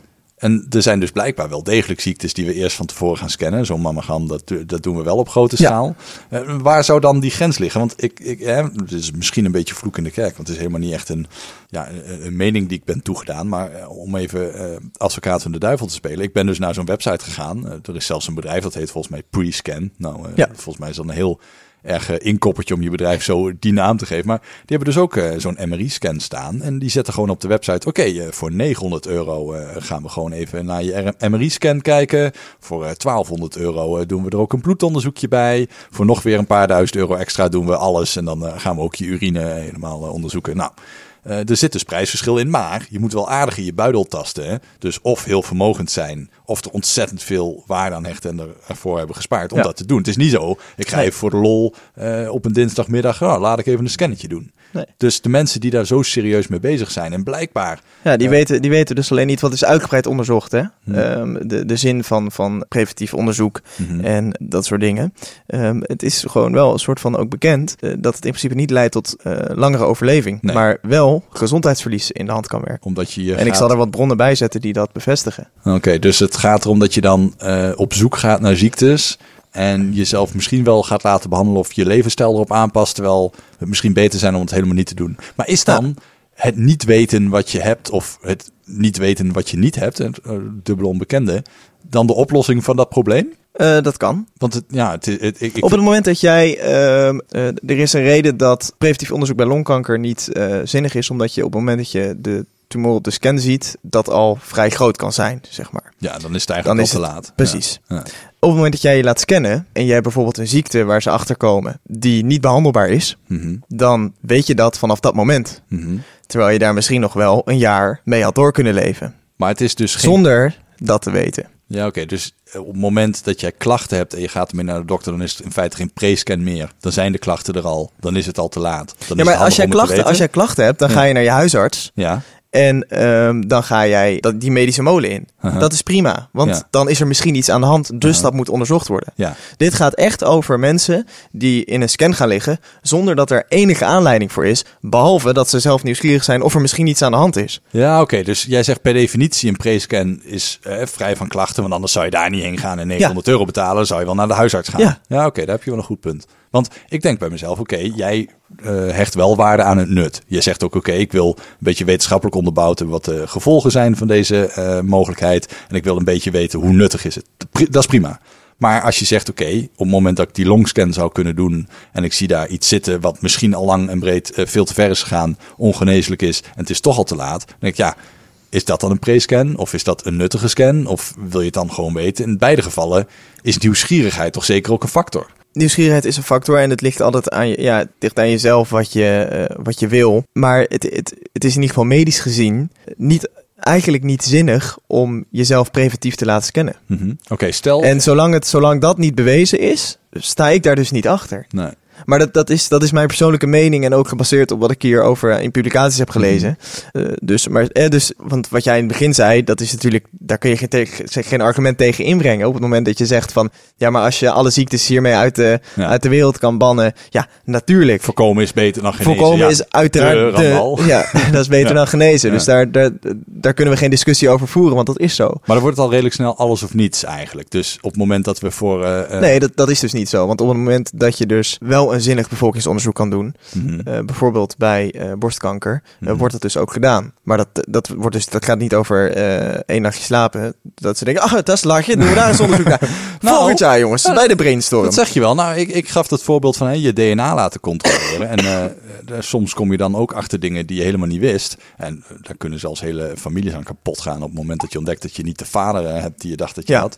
Ehm, maar dat terzijde, ik denk zo'n DNA-onderzoek, vergeet alle bezwaren, want die zijn er zeker. En eh, da- daar moeten we absoluut iets mee. Al je bezwaren aan de kant Ja? zet. Ja. ja. ja weet je. Nee, maar eh, stel dat, eh, dat je heel Nederland zo'n scan zou laten doen. Hè? Je gaat je DNA onderzoeken en je komt erachter hoe groot is die ene ziekte die we kunnen detecteren nou echt. Hoeveel mensen hebben dat wel, maar is het dan nog niet tot volwassenis gekomen? Hoeveel mensen eh, zouden we eigenlijk medische ingrepen moeten doen om, om preventief eh, bezig te zijn?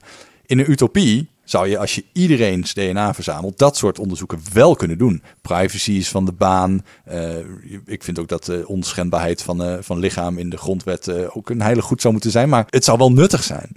En ik denk ook als je bij elke buurthuis om de hoek voor 25 euro door een MRI-scan zou kunnen. En ze kunnen daar daadwerkelijk dingen in zien die nuttig zouden kunnen zijn om te weten. Ja, Ja, maar het, zeg mijn gevoel, waarom zou je het dan niet doen? Tuurlijk, want als je alleen de pluspunten bekijkt, eh, Mhm. als je inderdaad op die manier eh, bepaalde vormen van kanker opsport, is dat prima. Ja. Ehm, maar je vergeet daarbij eh de risico op overdiagnose, Mhm. het risico op overbehandeling, Ehm, het risico op gemiste diagnoses. Vergeet dat ook niet, hè? Waarom zou je ze missen? Ehm, omdat je niet alles op de scan bijvoorbeeld direct zou kunnen zien wat er wel zit. Mhm. Eh, dus eh, je laat je gezond verklaren, maar je bent het niet. Mhm. Dus eh, je krijgt ineens toch wat klachten, maar ja, je bent toch door die scan gegaan. Ja. Nee, je had niks. Het zal Ja. een pijntje zijn. Zal een Ja, pijntje gaat wel weg. Paracetamolletje. Nou, ik vind het wel een interessante discussie. Want dit is wel, denk ik, een van de wezenlijke vraagstukken die je hebt als je eh, met, met gezondheidszorg bezig bent. Hè. Je wil aan de ene kant de boel voorkomen, maar je kunt er ook niet omheen dat je mensen toch wel eerst eventjes door een.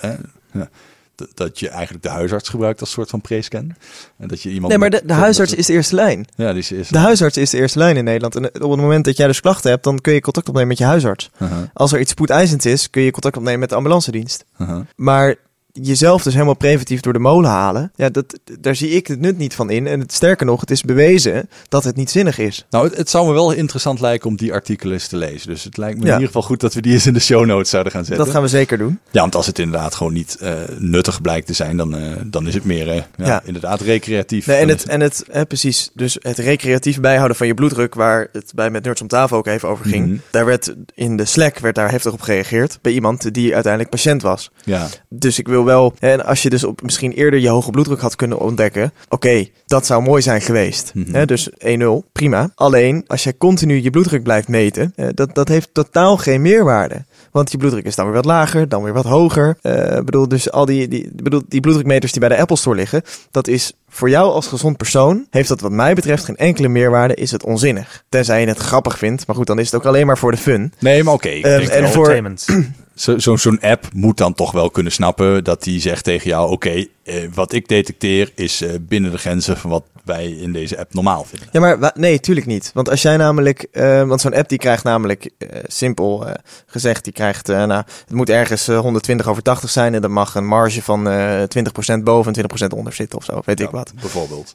Maar jij gaat drie rondjes rennen en vervolgens meet je je bloeddruk. Dan is hij buiten de marges, dan gaat hij piepen. En ik geef je, ik durf daar een wetje op te leggen hoeveel mensen er dan naar de huisarts gaan die zeggen, ja, ik heb toch soms een hoge bloeddruk. Ja. Het is opvallend hoe weinig mensen eh, dat, dat inzicht hebben. En dat is prima, want je bent er nooit mee bezig. Maar weet dat je parameters niet altijd hetzelfde zijn. Mhm. En dan moet je ze dus altijd wel op het juiste moment meten. Op hetzelfde moment meten.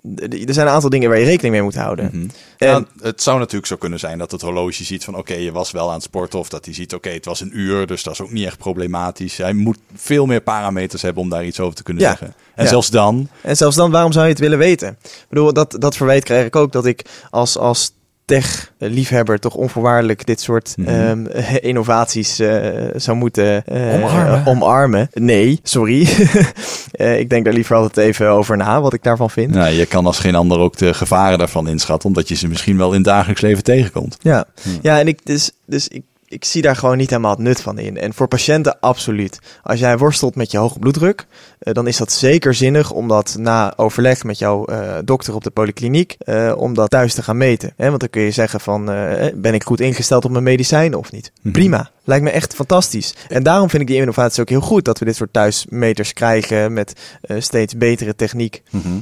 en steeds betrouwbaardere techniek. Blijf dat alsjeblieft doen. Alleen niet voor gezonde mensen. Nee. Daar is Nee. het gewoon niet voor bedoeld. Je ziet ook heel erg dat de Apple Watch en ook andere sporthorloges heel erg op conditie gooien en nooit Mhm. op gezondheid. Ja. De app maar dat- dan wel dat- gezondheid, maar het gaat dan alleen om je conditie en maar om dat je is, dat is ook prima, want gebruik, zet het dan in. Er zijn legio-sporters die op hun hartslagzones trainen. Best, want daar kun je je conditie mee meten. Maar dan ben je met een ander doel bezig met die data. Dan Mhm. ben je namelijk bezig met eh, je sport te verbeteren. Ja. Dat is helemaal best. Maar dit ging over waarom zet je dit niet in voor eh, screening en waarom zet je dit niet in voor het, het eerder ondervangen van eventuele ziektes? Omdat dat niet zinnig is. Nee, maar dat vind ik dus heel moeilijk. Want hoe gaan we dan in dat utopie komen dat we wel allerlei dingen op tijd kunnen detecteren? En dan denk ik, oké, dit klinkt voor mij een beetje als alles of niks. Als Nou ja, op iedereen het moment dat de geneeskunde en de verpleegkunde geen mensenwerk meer is, hebben we dat bereikt. Ja, inderdaad. Dus op Maar het hoe- moment dat we dat zo in zoverre hebben kunnen automatiseren, eh, dan, dan is dat klaar. Maar hoe gaan we dat ooit leren als we niet voor die niet, tijd want al allerlei mensen data kun, je niet, mensen kun je niet echt in Excel-sheets vatten. Nog, Nog. niet. Nog niet. Nog niet. Nee. nee, Excel zal een beetje lastig zijn. Alles een parameter. Ja, dat- Nee, precies, maar het blijft mensenwerk. En eh, dan is het hele medisch-ethische discussie staat dan nog aan de zijkant. ja. Of je dat wel moet willen. Maar goed, het is vanaf mijn stoel gezien dus op dit moment best wel lastig om van A naar B te komen. Ik kan niet Dat denk ik ook. door dat diepe dal van bezwaren heen en die top aan de horizon zien van hey shit, als we alles konden meten, dan zouden we alles weten, konden we alles Ja. voorkomen. Hoe komen we in godsnaam van hier in die utopiewereld terecht? ik denk dat we dit soort e-health ontwikkelingen vooral moeten omarmen Uh-huh. om eh, de zorg beter te maken. Maar Dus er komen nog aardig wat hypochonders door de deur voordat het zover is. Dat, dat is dat, onvermijdelijk. dat denk ik wel. Maar laten we vooral de techniek wel eh, inzetten voor mensen die, waarbij het pro- eh, zinnig is. Het kan Mhm. bijvoorbeeld eh, bij mensen die worstelen met hartritmestoornissen. eh, die wil je graag vangen, heet dat. Die wil je vastleggen op een hartfilmpje. Mhm. is het natuurlijk prachtig als zij een apparaatje mee hebben. wat ze heel snel aan kunnen sluiten bij zichzelf. Mhm. op het moment dat zij die hartritmestoornis ervaren. Want dat kan wel eens maar drie minuten duren, of twee Ja. minuten duren, of wel korter. Eh, en dan zijn ze niet op een spoedhuis op voor een hartfilmpje. Nee. En misschien, eh, dan krijg je, wat we nu doen, krijg je voor 48 uur krijg je een soort van Walkman mee als holter. Dat mag je dan omhangen met kabeltjes aan je lijf. En misschien vangen we dan iets. Maar het kan ook zo zijn dat het, hè, dat het, dat het helemaal eh, niet, niet gebeurt in die 48 uur. Maar het is niet ondenkbaar dat jouw Apple Watch dat op den duur zou kunnen. dus dan, nee, dan is dat prima. Aha. Dan is dat prima. Maar eh, ga dat niet preventief doen. Nee, oké. dus dan komt er op een gegeven moment een situatie dat zoveel mensen dat hebben, dat ergens in de eh, smart blockchain via de cloud met machine learning wordt gezien, oké, jaar. op basis van eh, historische gegevens hebben we hier het vermoeden dat er iets aan de hand is. We meten iets bijzonders. Eh, laten we daar een seintje van geven. Ja, ja, maar dan moet je wel alle eh, biases hebben kunnen afgedicht. En ik denk dat, ja, bedoel, dat is een absolute utopie. Maar heb je niet liever tien eh false positives dan eh, Nee, want dat is gezondheidsschadend. omdat je dan... Omdat je eventueel overdiagnose. eh, vergeet niet dat op het moment dat jouw horloge bijvoorbeeld zes keer aangeeft. ja, je hebt een ritmestoornis. Mhm. En dat blijkt toch niet zo te zijn. Maar we moeten daar wel iets mee. Dan wordt ook de vraag gesteld: van oké, gaan we hier dan hele invasieve ingrepen voor doen? Gaan we jou daadwerkelijk opereren om dit te onderzoeken? Maar wat is dan overdiagnose? Overdiagnose is het moment. Ik kan de definitie even opzoeken, maar dan moet ik dat weer even. Maar dat klinkt voor eh, mij een beetje hè, dat je bijvoorbeeld in de jaren negentig hadden opeens eh, drie van de tien kinderen ADHD, want dat was toen heel hip om dat te zeggen. En de- Ja. Dan wordt dat op dat moment geoverdiagnosticeerd. ah, bijvoorbeeld. Terwijl het nu ook zou kunnen zijn dat de helft van de mensen met een bepaalde aandoening er nooit weet van heeft. Ik denk dat eh, Ja. zo'n glutenallergie best een goed voorbeeld is. Dat er tal van mensen op hun sterfbed nog niet weten dat ze het al die tijd gehad hebben. Nou, het feit dat die glutenallergie nu steeds meer opkomt en we ook verbanden kunnen leggen, ja. is ontstaan zonder al die pre-scans. Dus we zijn al best eind. Ja, oké, maar dan gaat de grote vraag op: hè, hoeveel van die ziektes hebben we nu niet door, waarvan we uiteindelijk toch een beter leven zouden kunnen leiden? Maar was het de moeite van al die mensen die misschien onnodig onder het mes gaan? Nou Dat ja, kijk, dat dit zijn is goede de- vragen. ja, Dit dat is de vraag die, goede eh, vragen. Ja. Is dat het waard? En is dat al die druk op ons gezondheidsstelsel, wat toch al onder druk staat, is dat het waard? Ja.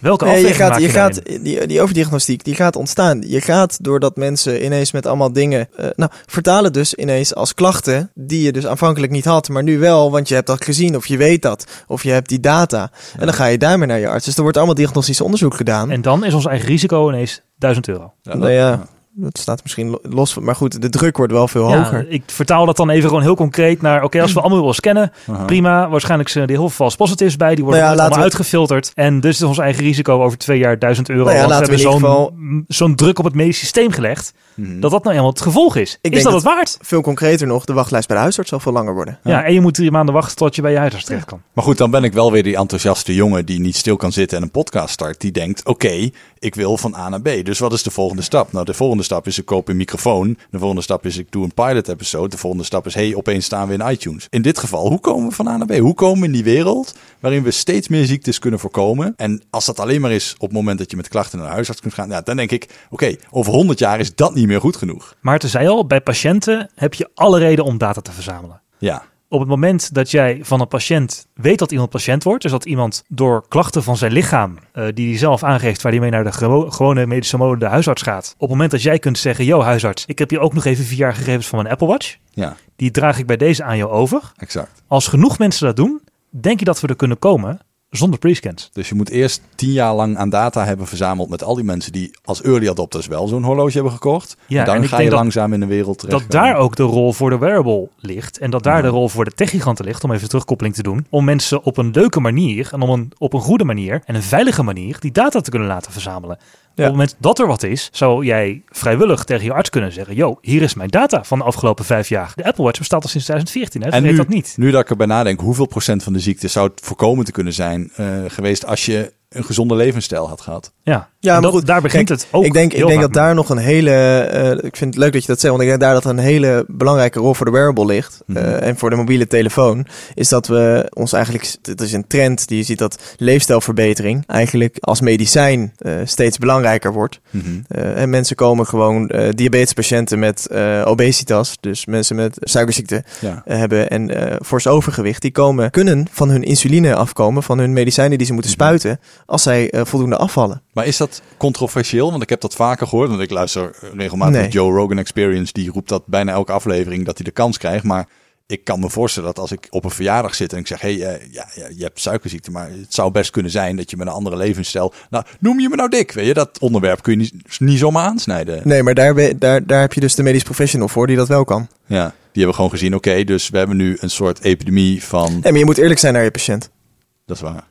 Dus je moet, je moet ook eerlijk zijn dat op het moment dat eh, iemand zwaar diabetes eh, heeft en eh, ernstig overgewicht, dat dat eraan bijdraagt. Dat dat hand in hand kan gaan. Ja, dat is hetzelfde dat je als jij eh, eh, hartfalen hebt, eh, dat je je netjes aan je leefstijl moet houden, omdat je anders gewoon vaker in het ziekenhuis komt. En dat kun je meten met de wearable. En daar zou je je wearable bij kunnen helpen. En, en dat, dat gebeurt ook. Eh, ik heb ook patiënten eh, die, die ik opgenomen zie worden, die eh, hun wearable daarvoor gebruiken en eh, die hun iPadje gebruiken om hun data te, te registreren. Maar jij zit in de cardiologie. Is het daar zit niet ja. bovengemiddeld zo dat daar levensstijl zou kunnen bijdragen aan Absoluut. ja, Absoluut. voorkomen van het een en ander? En daarom Ja, bijvoorbeeld- ringjes volmaken.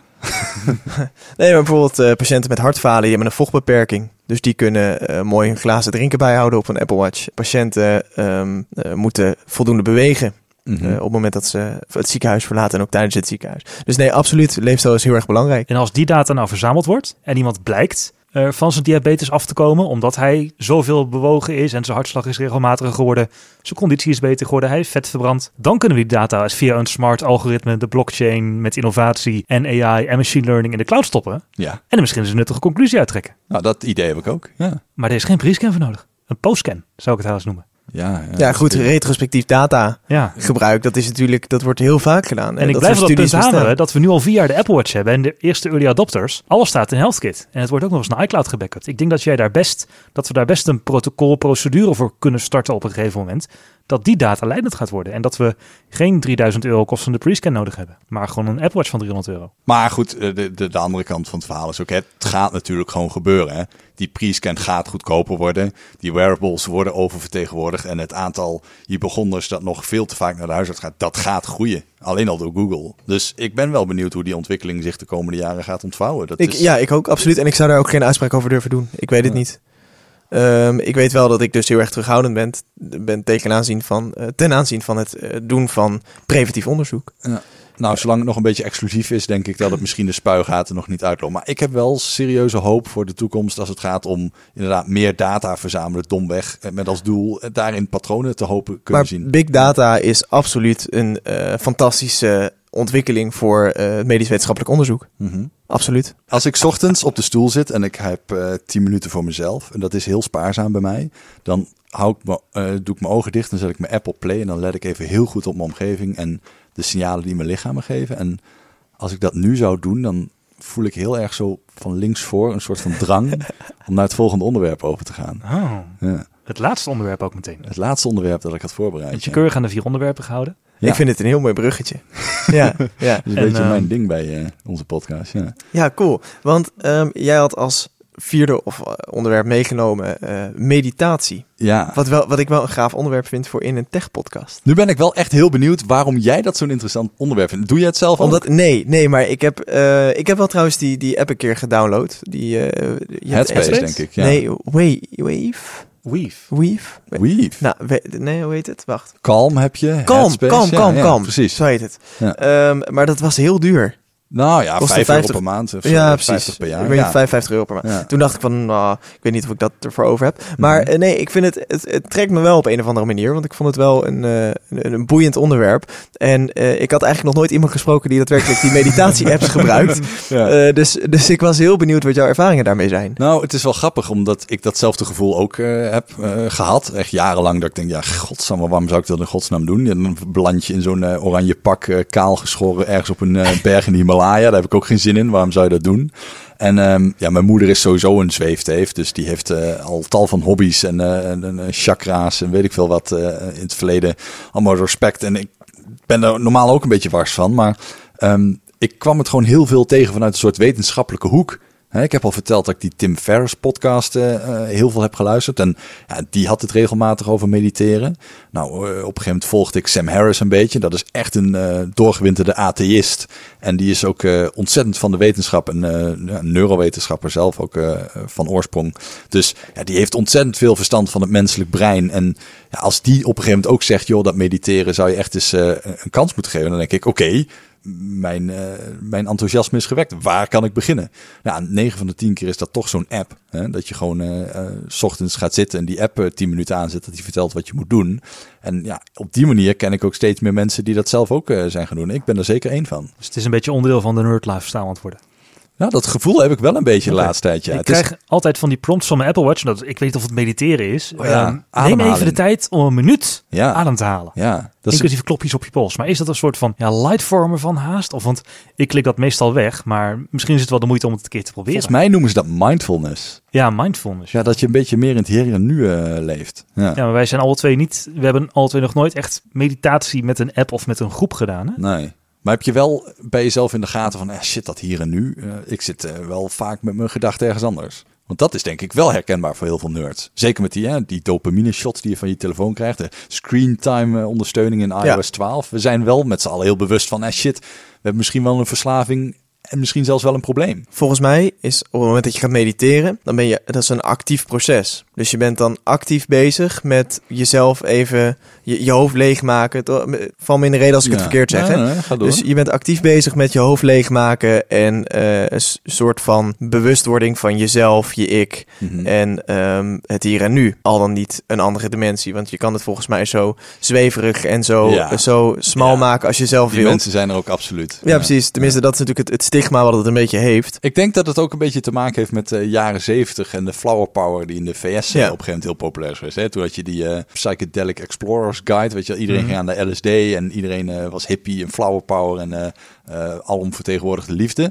Alleen dat heeft wel alles te maken met het ontdekken van het menselijk brein. Dat, dat men op een gegeven moment dacht: oké, als ik deze drugs gebruik en ik blijf op die stoel zitten, dan is er 100% garantie dat er in mijn brein iets gaat veranderen. En dan ga ik ook dingen zien waar ik heb nog nooit psychedelische drugs gebruikt. Dan ben ik misschien wel jammer, want ik ben best wel nieuwsgierig geworden in al die tijd. Maar je hoort dus aan de verhalen van mensen die daarover vertellen, eh, dat ze dingen mee hebben gemaakt waar hun, hun leven echt wel significant is veranderd. Dat ze echt tot inzichten zijn gekomen die ze later prijzen als soort doorslaggevend. Een voorbeeld is Steve Jobs, die zegt dat zonder eh, LSD heel Apple niet zou hebben bestaan. Dat hij dan ook nooit uh, op die manier met dat fanatisme om het beste product te willen maken en die inzichten van verbanden leggen en dergelijke. Dus dat is voor mij één, hè, dat menselijk brein is een heel interessant uh, ding. Ja, waar, waar natuurlijk mooier als je dat kan triggeren zonder drugs. Ja, ja, dat zou ook wel mooi zijn. En volgens mij doe je daar wel een poging mee als je gaat mediteren. Maar in, in die zin, hè, dat, dat, dat is een beetje het verband dat ik wil leggen, is, is het wel een beetje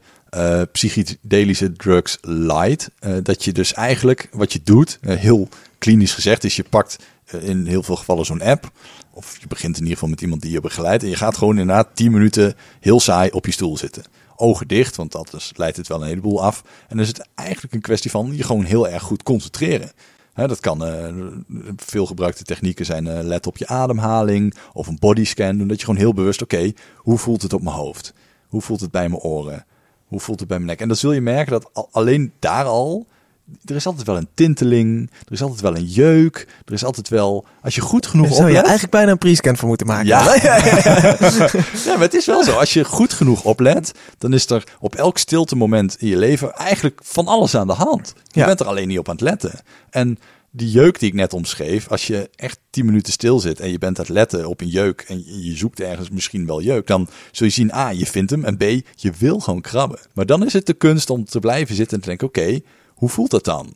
En hoe gedraagt hij zich? Gaat het ook weer weg? En als je dat op een gegeven moment vrij goed meester bent geworden met je lichaam, je let gewoon op geluiden, uh, je ademhaling, fysieke dingen om je heen, kun je misschien een stap verder gaan en proberen om dat ook toe te passen echt op je gedachten. Daar gaat voor mij het hele interessante, ja, een hele interessante wereld voor je open. Dat je echt doorkrijgt hoe ontzettend vertiefd je eigen brein eigenlijk is. Hoeveel onzingedachten er voorbij komen. Hoeveel gepieker, hoeveel gedram, hoeveel vraagtekens, hoeveel spijt en, en, en, en herhalen van gekke dingen die je hebt gezegd. Of oh shit, dat had ik anders moeten verwoorden. Of god, uh, hebben we wel genoeg geld op de bank staan om op vakantie te gaan. En moet ik die nieuwe stofzuiger nou wel of niet kopen? Waarom heb ik eigenlijk uh, die Watch OS Beta 5 op mijn horloge? Hoe kan ik die ook weer downgraden? Is dat niet veel te veel gedoe? Wanneer ga ik dat dan doen? Ja. Je bent de hele dag alleen maar aan het malen. Ik denk zelfs, Raymond, als ik zo naar jou kijk, dat je s'avonds op bed ligt. Nou, ik lig niet zo te malen. Maar dit soort vragen moeten voor jou ook herkenbaar zijn. Ja, je bent wel bezig met wat heeft de dag gebracht? Wat brengt de volgende dag? Wat kan ik doen de volgende dag? Ja. Ja, ja, maar er is toch geen moment op de dag dat je niet aan het nadenken bent. Maar eh, eh, en, dat was, dat, was dat wat jou initieel trok naar deze, dit soort apps? Nou, ik was vooral heel nieuwsgierig van wat gebeurt er dan als je daar echt op gaat zitten letten. En ik kan je wel uit ervaring vertellen. Hè, een van de dingen die ik het meest doe is inderdaad let op je ademhaling en dan gewoon tellen hoe vaak je adem hebt gehaald. En dan spreek je met jezelf af, oké, ik tel van 1 tot 10 en daarna begin ik opnieuw met tellen. En keer op keer, zonder uitzondering, na, de, na een paar keer zit je opeens bij 12, 13. Vind je, oh shit, ik moest tot 10. En dan ben je gewoon afgedwaald met je gedachten. En elke keer weer terugkomen bij waar je mee bezig was. En elke keer die, die concentratie herpakken. Oh man, dat is een uitdaging op zich. Want wat, wat, wat helpt zo'n app daar dan bij? In eerste instantie is het gewoon heel fijn dat iemand je vertelt wat je moet doen. En ik denk niet dat iedereen iemand kent die er zoveel ervaring mee heeft. En die zegt, ik kom s ochtends bij je langs als wake-up service. Ik ga wel 10 minuten naast je zitten. Dus ja, dat maakt het gewoon lekker schaalbaar. Ja, een aantal van de apps die heel goed zijn sowieso. Uh, Headspace en Calm zijn de enige twee echt grote bekende. Die zijn allemaal Amerikaans. Maar ja, het is wel een van de dingen die ik me laatst heb zitten afvragen. Als we dan straks dat podcast-imperium hebben gebouwd met z'n allen. uh, zou er dan niet ook ruimte zijn voor een Nederlandstalige podcast? Dat is wel iets wat ik me inmiddels hardop aan het afvragen ben. Van, een podcast-app of een meditatie-app? Uh, een meditatie-app, ja. Dat okay. zeg ik helemaal verkeerd. Nee, een, een meditatie-app. Maar dan gewoon Nederlands, want ik denk dat het wel een, nou, een kleine rage is, misschien in het Silicon Valley wereldje en onder nerds uh, heel erg. Maar uiteindelijk best wel zijn nut zou kunnen hebben als, als een beetje medicijn tegen al die stress die we met z'n allen ervaren. Uh, het feit dat we in deze wereld, waarin al die impulsen op ons afkomen, heel snel verslaafd raken aan onze smartphone en eigenlijk door de bomen soms het bos niet meer zien. Uh, ja, ga, ga gewoon eens 10 minuten zitten, man. Hey, ten slotte wilde jij nog terugkomen op de aflevering met Wietse Hagen. Oh jee, ja. Die wij uh, hebben opgenomen.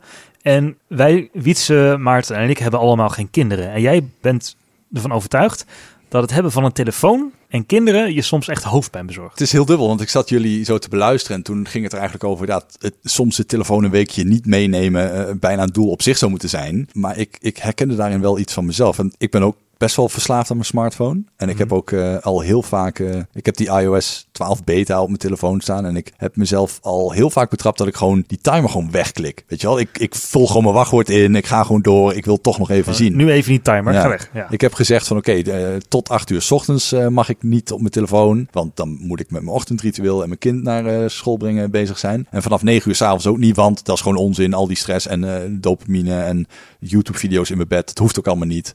Eh, maar ik ben er wel verslaafd. En waar ik ja, minst trots op ben, moet ik eigenlijk zeggen, is ik, ik, ik herkende heel veel in dat ik, eh, voordat ik vader werd, best wel een mening had over van die ouders die de hele tijd op hun telefoon kijken. Hè, dan is dat kind Ja. bezig en dan zitten zij met hun telefoon. Of zelfs van die buggies. Hè, dan loop je met een kinderwagen en die, die moeder heeft gewoon die smartphone in de ene hand en die buggy duwt ze met de andere. En ik Ja. dacht, zo'n vader word ik nooit. Weet je, ik mediteer al. Ik weet nu al 100% zeker, ik ben zo'n vader, die is in het hier en nu, die is met zijn kind bezig en met niks anders. Maar mijn god, wat zat ik ver van. Het is echt schandalig. Ik blijf gewoon als een crackverslaafde die telefoon plakken. Zelfs als de kwestie je kind. ja, ja, want Oh. het is heel erg als je hem zit te voeren en je krijgt een pushbericht, dan moet je al die telefoon niet uit je zak halen. Dat is al moeilijk. Als je die telefoon al wel hebt gepakt, dan moet je nog niet reageren. Of misschien zelfs niet lezen. Hè. Het is nog niet te laat.